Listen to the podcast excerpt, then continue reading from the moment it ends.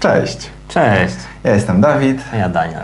Kolejny filmik o różnych aspektach mowy, o ciekawostkach związanymi z mową, ale też nie tylko. Dzisiaj zajmiemy się EEG. Tak, cóż to takiego jest, w jakim celu jest to wykonywane? A jest to badanie pewne, które ma na celu wykryć pewne rzeczy.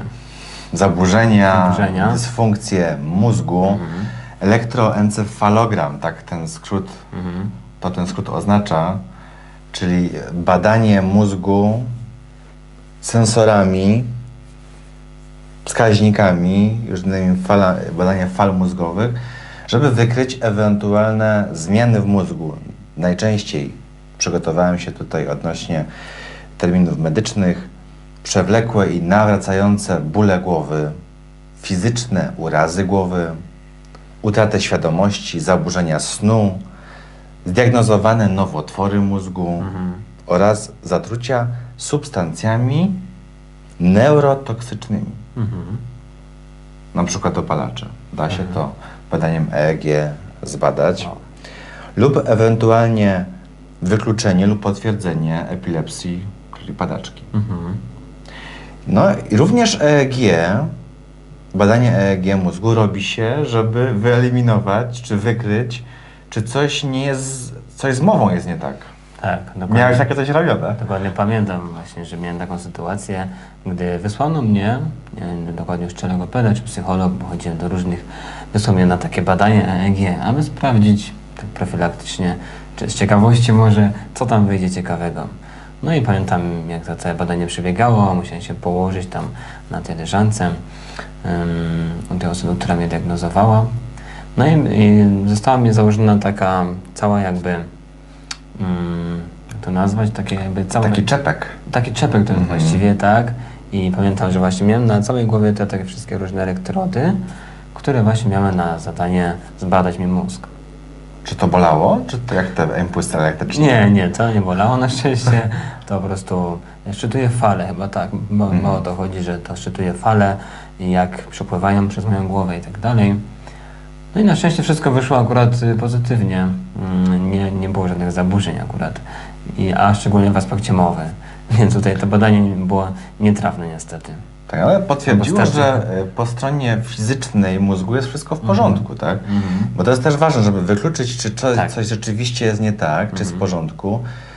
A czasami jest tak, że no, chcemy, żeby coś wykryło. Dlaczego mamy właśnie te bloki Mhm. mowy i jąkania? I czasami jest tak, że bada się właśnie mózg, te fale mózgowe, może coś jest nieprawidłowo, Mhm. może coś źle działa. Okazuje się, że wszystko działa dobrze, no ale się jąka. Tak właśnie to powiedziałem, stety, nic nie wykryło. Tak.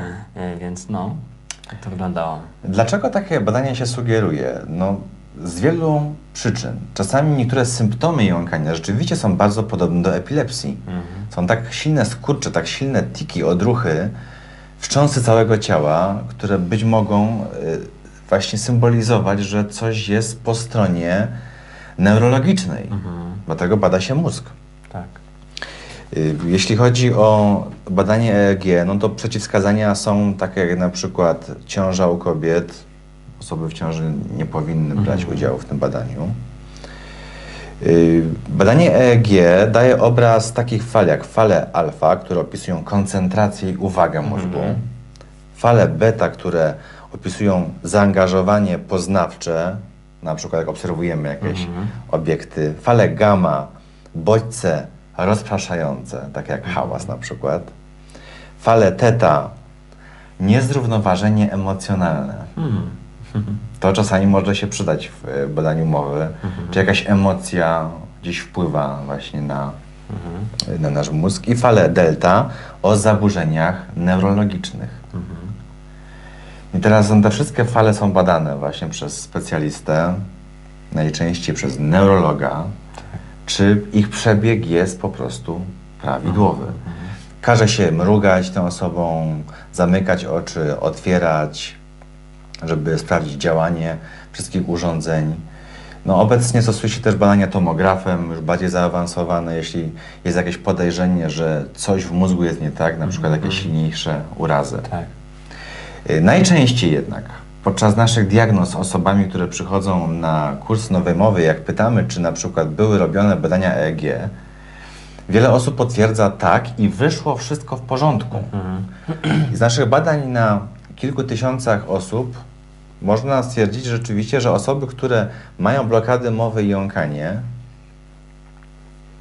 po stronie neurologicznej są zdrowe. Mhm. Badanie EEG nie wykazało żadnych negatywnych symptomów i żadnych negatywnych urazów, czy te wszystkie fale alfa, beta, gamma, delta i teta miały charakter prawidłowy, czyli według norm w porównaniu z osobami, które mówią płynnie. Tak, Nie ma żadnych uchybień. Dokładnie, to jest genialny dowód na to, że po prostu to nie jest problem z naszym mózgiem, czy jakieś uszkodzenia i tak dalej, tylko właśnie to jest wszystko w psychice. Jeśli słuchają nas w tej chwili osoby, które mają blokady mowy i jąkani, mają podejrzenie, że chyba coś z ich mózgiem jest nie tak, może coś się zepsuło, wykonajcie badanie EEG, żeby się potwierdzić właśnie w tym, że jednak jest wszystko w porządku, albo właśnie wykluczyć to, że są jakieś zaburzenia. Nie bójcie się tego, to jest bezbolesne. Tak. To tylko na monitorze bada, Daniel potwierdza, tak rzeczywiście jest. Sam przechodziłem przez to. No, więc jak ktoś właśnie jest ciekawy tego, to oczywiście może aby być pewnym, że nie ma żadnych zaburzeń w mózgu.